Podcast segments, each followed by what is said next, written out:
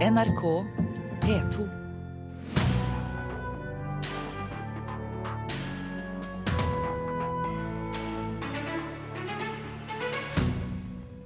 Sentrumsdøden må motarbeides. Nå starter et pilotprosjekt for å få livet tilbake i norske byer.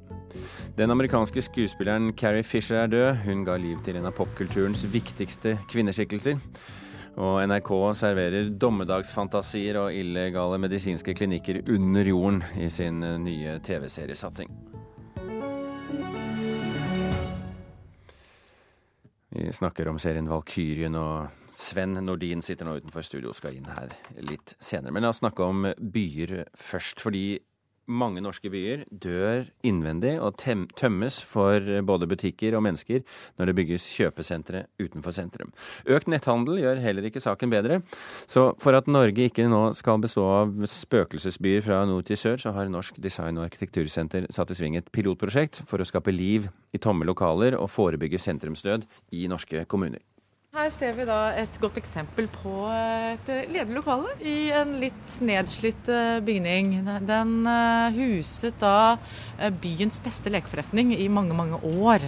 Du trenger ikke gå langt for å treffe på et tomt butikklokale i Torvgaten i Arendal. Bare her så er det jo en, to, tre Elin Lunde er byplanlegger i kommunen, som i likhet med mange andre norske byer sliter med sentrumsdød. 11. Det, det er i ganske lite og avgrenset område. Netthandel og kjøpesentre med gode parkeringsmuligheter utenfor bykjernen er noe av forklaringa på butikkdøden i sentrum. Vi ser jo at det er en uh, tendens med en del ledige lokaler uh, og internflytting av virksomheter. Så det, ofte kommer det ikke helt nye virksomheter inn, men at de som flytter, de flytter da internt til bedre lokaliseringer i sentrum. Arendal er sammen med Tromsø og Lærdal plukka ut til å være med i et pilotprosjekt i regi av Norsk design- og arkitektursenter. Hensikten er å fylle de tomme lokalene og bekjempe og forebygge sentrumsdød. Dette er viktig å ta tak i fordi vi ser at uh, veldig mange norske kommuner har uh, sentrumsområder som er uh, døende. Sier prosjektleder Marte Marstrand i Doga. Og norske kommuner er veldig opptatt av å få liv i sentrumet sitt. det er noe både kommunene og innbyggerne er brennende opptatt av. Og det er jo det som er hensikten. Å gi norske kommuner noen verktøy som de kan bruke inn i arbeidet med sentrumsutvikling. Prosjektet starta i april og skal gå over to år. De har jo jobbet eh, mye nå med å kartlegge forholdene lokalt. Altså hvem er gårdeiere, hvordan er situasjonen, hvilke lokaler er ledige, hvorfor er de det. Kartlegge hvem det er som kan gå inn i disse lokalene og bruke dem. Og brukte mye tid på å sette i gang eh, samarbeid på tvers. For dette prosjektet handler mye om at de ulike aktørene som er involvert i sentrumsutvikling, snakker sammen. Eh, og, og, tenker sammen om hvordan de kan eh, fylle lokalene. Altså, det er veldig bra å være en del av et nasjonalt satsingsfelt. Det har vært kjempebra. Og Doga har vært utrolig flinke til å koble oss opp med andre aktører. Sier Elin Lunde. Og så ser vi at det er en veldig stor vilje, et stort engasjement blant befolkningen og blant de forskjellige byaktørene for å liksom skulle bidra og være med. Byplanleggeren jobber nå 50% med levende lokale prosjekter i Arendal. En erfaring så langt er at de har sett hvor viktig det er at kommunen tar et aktivt grep om byutviklinga. At vi kan koble de riktige aktørene med hverandre, og at vi kan fortelle at jo, vi er interessert i å være behjelpelige. Og da ser vi at Med en gang kommunen da er veldig på tilbudssiden, så er folk mye mer eh, villige til å liksom prøve å være med og synes at det er spennende. Tror du det blir liv i Arendal sentrum eh, i framtida? Ja, det har jeg absolutt kjempestor tro på. Og reporter her, det var eh, Miriam Grov. Erling Åkenhaug, selverklært stedsaktivist, privat påvirker og forkjemper for levende bysentra i mange år. Velkommen til Kulturnytt. Takk, takk. Hvorfor dør norske bykjerner og tettsteder ut? I hovedsak er det fordi at man uh, overhodet ikke har hatt noen helhetlig byplan uh, noe sted i noen by i Norge. Dvs. Si det at all utvikling er styrt av utbyggere i allianser med politikerne. Men er ikke det politikernes jobb, da? Å skaffe allianser så de får bygget ut byen sin? Ja, det kunne man tro, men det er bare det at uh, da blir det bare på utbyggernes premisser. Og det var jo veldig interessant her med eksempler fra Arendal, fordi det, jo, det som har skjedd i Arendal eh, når det gjelder byutvikling, det er klart at det som skjer nå med dette prosjektet som ble nevnt, er jo det at uh, dette er en reparasjon av den skaden som har skjedd. Men uh, man kan ikke reparere en ødelagt by bare ved å finne noe aktiviteter i noen butikklokaler. Arendal har ødelagt hele nabobydelen Barbu med svære, brutale blokker, og dette er totalt utbyggerstyrt utbygging. Men, men folk, hvis vi holder oss til dette med, med kjøpesentre kontra sentrumsbutikker, så velger jo folk kjøpesentre fordi det er praktisk. Vet ikke sitt eget beste, da? Jo, altså det er eh, Jeg syns kjøpesentre kan være praktiske. De kjøpesentrene som ligger i byer er jo veldig praktiske. Særlig hvis man unngår at de blir svære kolosser. Et godt eksempel i Oslo er jo Palais på Karl Johan, hvor, hvor faktisk eh, bygårdene er i behold og det er et kjøpesenter på bak. Så det går an å kombinere tradisjonell byforming med kjøpesenter. Eh, du, du, har jo, som vi har vært inne på, engasjert deg i 30 år i disse spørsmålene. Har du sett noen endring i positiv retning? Nei, tvert imot så syns jeg dette går eh, dårlig. Altså det er slik at eh, presset på utbygging er større enn noensinne, og, og gevinsten for utbyggere som driver dette eh, hurtigracet sitt, er stort. Og politikerne har ikke evner til å stå imot utbyggernes vandalisering. Det var masse eksempler. Men det, er, men det er vel ikke noe galt i prinsippet at utbyggere skal tjene penger? Ja, så du kan si at uh, det, Hvis det er penger det handler om, så, men det, det, ikke, det, ivaretar jo ikke stedsmiljøenes kvaliteter. Det er klart at man tjener penger på å frese opp svære, eh, raske kasser i tradisjonelle bymiljøer. Men uh, fellesskapet har jo ikke noe fordel av dette her. Mm. Du er, har vært opptatt i mange år om at, at, det skal være hyggelig, at folk skal ha det trivelig i byen sin. Um, og, og, og det er vel og bra, men er hyggelig det viktigste? I aller høyeste grad. Vårt utgangspunkt er jo det vi kaller humanøkologi, altså det å forstå menneskets behov. Det er det som skal bety noe i byutviklingen. Og, og den store internasjonale trenden den heter jo new urbanism, altså nyurbanisme. Og det er rett og slett byforming basert på tradisjonelle eh, historiske byer. Eh, og det er det vi ønsker at man skal tenke mer på, enn enkeltarkitekters superobjekter og investorers store investeringer. Så hva skal til for å komme dit? I hovedsak så mener jo vi at eh, man må ha med folk, og det må være mye større grad av medvirkning i byutviklingen i Norge. Og det vil si det at eh, man, folket må tas med på råd. Men sånn som du kjenner det norske folk, da, da blir det, det er ikke sikkert at man kommer i, i veldig sånne effektive prosesser da? Jo, altså hvis man, eh, hvis man inviterer aktivt, og er, men du kan si de som arrangerer disse medvirkningsprosessene, vil jo egentlig ikke ha folk med. Så det er jo ingen sjenerøs invitasjon til folk flest for å delta i å utvikle stedene sine. Erling Åkenhaug, takk for at du kom til Kulturnytt. Takk, takk.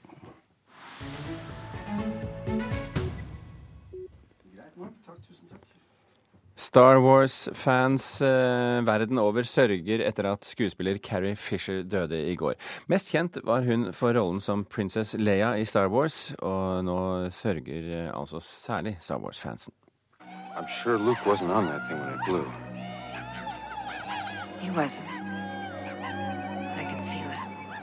Jeg tenker at nå er jo, som mange har sagt, at nå er hun i ett med kraften. liksom. Nå er, liksom, nå er der oppe, liksom. Det sier Even Ellingsen. I går kveld fikk han og andre Star Wars-fans verden over den triste beskjeden om at Carrie Fisher er død, bare 60 år gammel. Hun vokste jo bare utover i de tre filmene som var med i første, og, og fortsatte jo som en, veldig, som en bauta i, i, i Force Awakens i fjor. Så jeg føler at hvis ikke hun har vært med, så føler jeg at eh, Star Wars har vært veldig mye fattigere. Både skuespillerkollega Harrison Ford og Star Wars-regissør George Lucas er blant de som har gitt uttrykk for at det er en stor skuespiller som har gått bort. Ford beskriver Fisher som unik og modig. It's not like that at all. He's my brother. Fischer var åpen om at den enorme suksessen påvirket livet hennes, og ikke bare på en positiv måte. Hun sleit med rusmisbruk i flere år, og ble etter hvert diagnostisert som bipolar. For de av oss som er Star Wars-fans og sliter psykisk med noe, så har hun betydd enormt mye.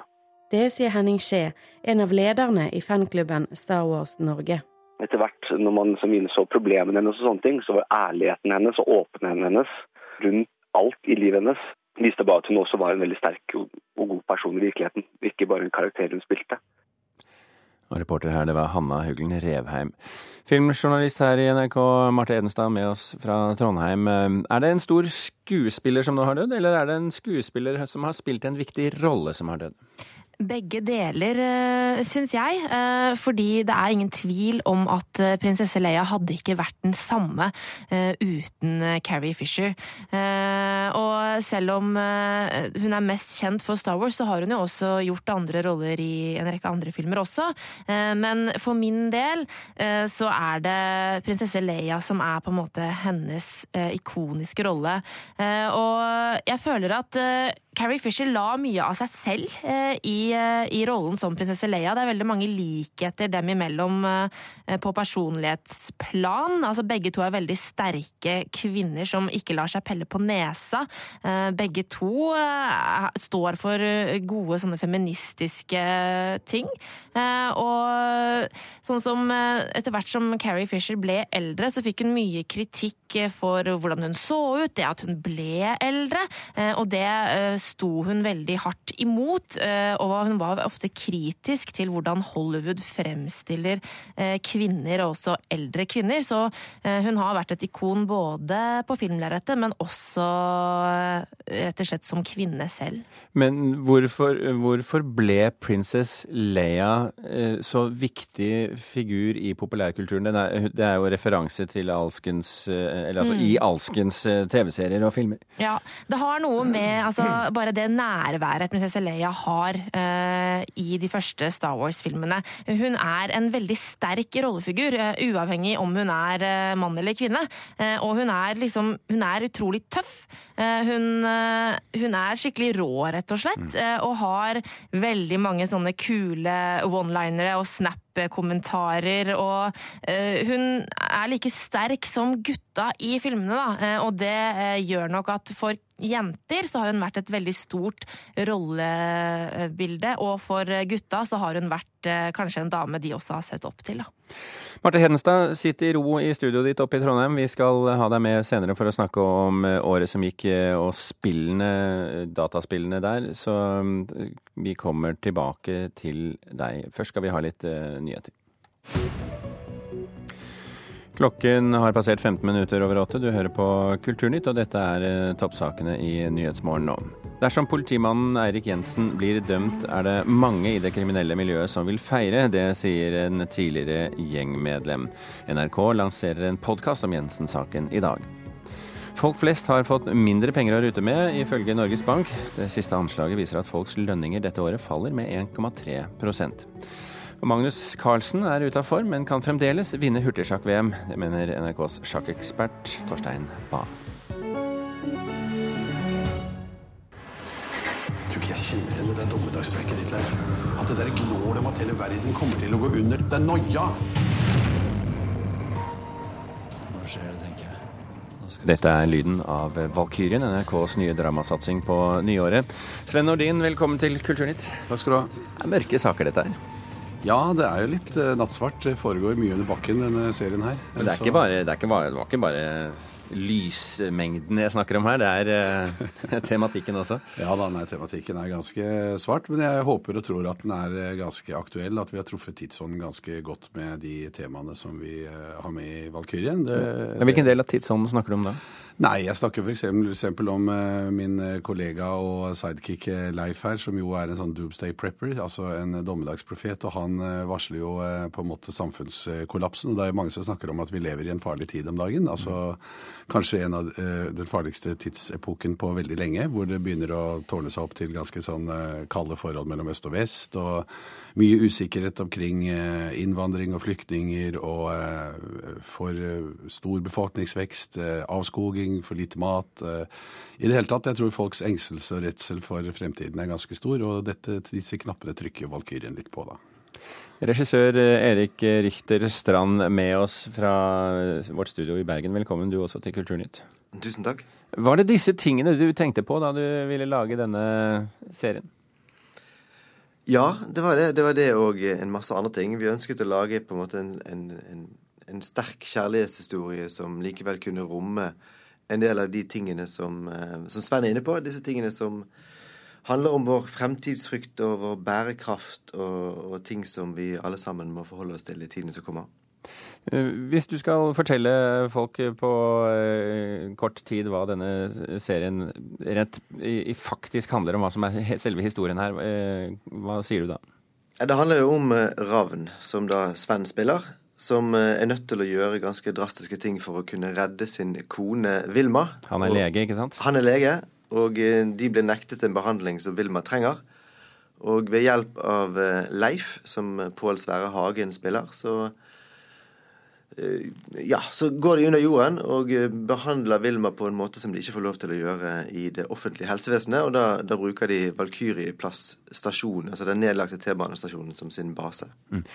Leif, det er ingen stabil eh, og vennligsinnet person, har jeg inntrykk av. Han er vennligsinnet på mange måter. Stabil er han kanskje ikke, men han er, han er en fyr som eh, er drevet av eh, sin egen eh, vinning og sitt eget eh, verdenssyn, som skiller seg fra våre. Eller fra de fleste andres. Men Sven Nordin, er det, er det Leif, eller er det du som bidrar med det, det mørke det mørke inni dette her, altså det litt sånn dommedagsaktige? Eh, Jeg tror at det blir sånn, sånn, litt begge to, fordi at vi, vi eh, inngår en slags pakt med hverandre som, som gjør at vi blir ganske sånn symbiotisk gjensidig avhengig av hverandre. Og det ene drar det andre litt med seg. Så vi jeg trenger hans tjenester, og eh, han trenger mine tjenester. Så til sammen så utvikler vi en slags helseklinikk der under bakken som eh, driver helt på siden, eller på den andre siden av det juridisk lovlige. Så vi er nok ganske mørke og driver hverandre videre inn i en sånn slags eh, hva skal vi si, kriminell eller ulovlig virksomhet. For du, for du må gjøre noen tjenester, du også? ja da, så absolutt. Det, det er ingenting som kommer gratis i denne verden. Erik Richterstrand, nå har jo du holdt på med denne her veldig lenge. Men 2016, må jeg få lov til å si, i all ubeskjedenhet på NRK sine vegne, har jo vært en veldig bra, eh, et, en bra sesong, eller bra, eh, et bra år for eh, NRKs tv-serie. Vi har hatt eh, Mammon sesong to, vi har hatt Nobel, vi har hatt Skam, vi har hatt eh, Snøfall. Eh, Hvordan kjenner du på det å skulle inn i rekken her? Det føles jo veldig bra. NRK har opparbeidet seg et ganske trofast, men likevel kravstort publikum, som uh, gjør at uh, Valkyrien er eh, ja, noe som jeg er veldig spent på hvordan folk vil, vil ta imot. da. men lista er jo lagt litt høyere i løpet av året, tenker jeg.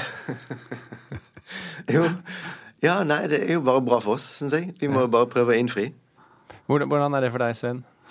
Nei, det, det er alltid en ambisjon, og spennende å få lov til å være med på det A-laget der. Det, og vi er jo veldig spent på mottagelsen nå når serien begynner å gå. og Den begynner å gå nå 1. januar, søndag, som jo er en bra, bra dag, sånn TV-dag, vil jeg tro. Eh, men jeg synes vi har eh, Det som jeg syns er spennende, og som er veldig bra og modig av NRK også, at vi får lov til Den er automatisk ganske ny. Jeg tror ingen, ingen har sett noe lignende enn eh, altså, som Valkyrien på, på NRK før dette. Så at vi tør å gå og noen nye veier og åpne noen nye dører, det er veldig spennende. Det spørs om man hadde fått lov til i noen annen kanal enn NRK, hvis jeg skal skryte litt, jeg også, da. Ja, nei, men du må, du må gjerne det, Sven Nordin, og for, for all del. Kjør på. Men hvordan tror dere Vi kan jo gå til deg igjen, eh, Erik. Hvordan tror dere serien vil bli mottatt, hvis du, hvis du tenker litt realistisk på det? Det er, det er, altså, det er et mørkt tema. Det er, det er ikke sånn sette seg ned og kose seg, kanskje. Jo, det vil jeg påstå. Jeg syns jo det. Eh, Det er litt sånn som Sven er inne på, det er noe du aldri har sett før. Altså, det handler om en, en hemmelig verden, delvis, som eh, finner sted eh, rett under beina dine. Det handler om norsk samtid. Det er originalskrevet. Ting som vi har jobbet med ut ifra at folk ønsker å se ting de gjerne ikke visste de ville se. Og dette er en sånn serie. Dette er noe vi har stor tro på. Jeg tror på en måte at dette er vi er inne på noe. altså inne på en sånn tidsånd. Dette med, med fremtidsfrykt, bærekraft eh, og en, tidsånd som også handler om medisinske nyvinninger og, og håp. Så nei, jeg tror absolutt dette er noe som, eh, som vi, vi er klare for. Jeg gleder meg veldig. Kan jeg få lov til å bare skyte inn at det er veldig mye humor. Den er riktignok ganske svart, men vi har jo hatt noen visninger, og folk ler uh, mye og ofte. Så det foregår Det er ikke, det er ikke liksom Humoren er ikke borte i denne serien, så absolutt ikke. Altså, det er veldig mye å le av her. Vi får se hvordan det blir. Både Sven Nordin og Erik Jeg ønsker dere lykke til med lanseringen. Takk for at dere kom til eh, Kulturnytt. Så får vi se søndag eh, kl- eh, klokken et eller annet eh, 1. januar.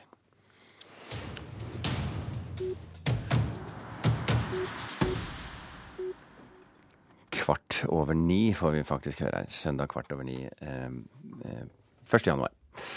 I sju år på rad så har gulleplet blitt stjålet. I år må det lille samfunnet klare å passe på det, kanskje. Det er duket for humor, dramatikk og romjulsfølelse både for store og små når Turnékompaniet presenterer årets romjulsteater for hamarsinger. I landet bak fjellet var allting så godt. Fuglen flyr over land og hav. De lover eventyraktig julemagi for små og store. Gjengen bak romjulsforestillinga Gullfugl i Hamar teater.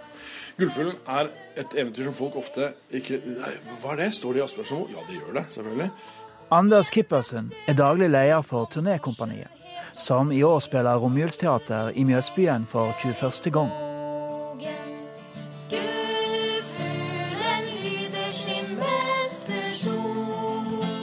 Så Romjulsteatret har egentlig spilt veldig mange klassiske eventyr. Vi, spiller, vi lager våre egne versjoner hele tiden, men her har vi hatt Rose og Askepott og Oh, alt det mange, Snehvit og syv I fjor var det Katten med støvlene. Da fikk jeg lov til å være katten. Ja, var, jeg var en ordentlig ekkel pusurvariant og hadde det veldig gøy.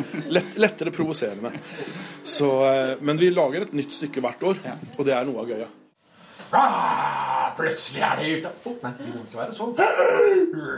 I årets romjulsforestilling dukker Anders Kippersund opp som troll. Med det ikke helt flatterende navnet. Det heter bare dust. Jeg skryter av å være det dummeste trollet. Dorotheus var det. Dorotheus. Trollet Dorotheus, klar for action. Nå er Romjulsteatret for lengst blitt en juletradisjon på Hamar. Ja, ja, nå har vi også folk som var med på det første, som kommer tilbake igjen med barn og barnebarn, faktisk. Så det er liksom Og det er flere som sier er, Du får den der klassiske 'Det blir ikke jul uten Romjulsteatret', og det syns vi er godt å høre. Gullfuglen gjør som den sier har sagt. Du eier en rikdom ufattelig stor. Med profesjonelle og unge amatører side om side er målet rett og slett å gi julegave til folk i Hamar. Noe som gir det spesielle ved jula. Og jeg vil si noe godt, altså noe som er hyggelig å tenke på, men samtidig også som gir et ettertankens skjær over det hele, hvor du kan tenke over hva er meningen med det. Hvorfor vi puster ut for å finne ut hva som er meningen med livet, liksom. Prinsessen hun gråter i skogen. Reporter her, det var Arne Sørenes. Nå skal vi ta turen tilbake opp til Trondheim, inn i vårt studio der hvor Marte Hedenstad sitter og skal oppsummere spillåret 2016. Og en av de tingene vi skal snakke om, er dette. Prepare to attack. Three, two, one. Capture the objective. Ja, Marte Hedenstad, dette her er lyd fra spillet Overwatch. Ja. Det spillet som dere mener er det beste oppe i redaksjonen din. Hvorfor har dere kommet til den konklusjonen? Altså Det er rett og slett fordi at eh, Overwatch det, det kom som et friskt pust eh, i sjangeren sin, altså førstepersons skytespillsjangeren, eh, i år. Eh, og hovedvekten på det spillet her det er liksom på raske kamper. eh, Det er seks mot seks spillere med mål om å utføre et enkelt eh, oppdrag. Og min kollega i Filmpolitiet, Andrea Andreas Hatzel Opsvik, han anmeldte det til terningkast seks. Eh, fordi det her er et eh, solid spill eh, med en rekke forskjellige helter som har eh, forskjellige evner og egenskaper og sånn. Eh, og så har det veldig mye sjarm.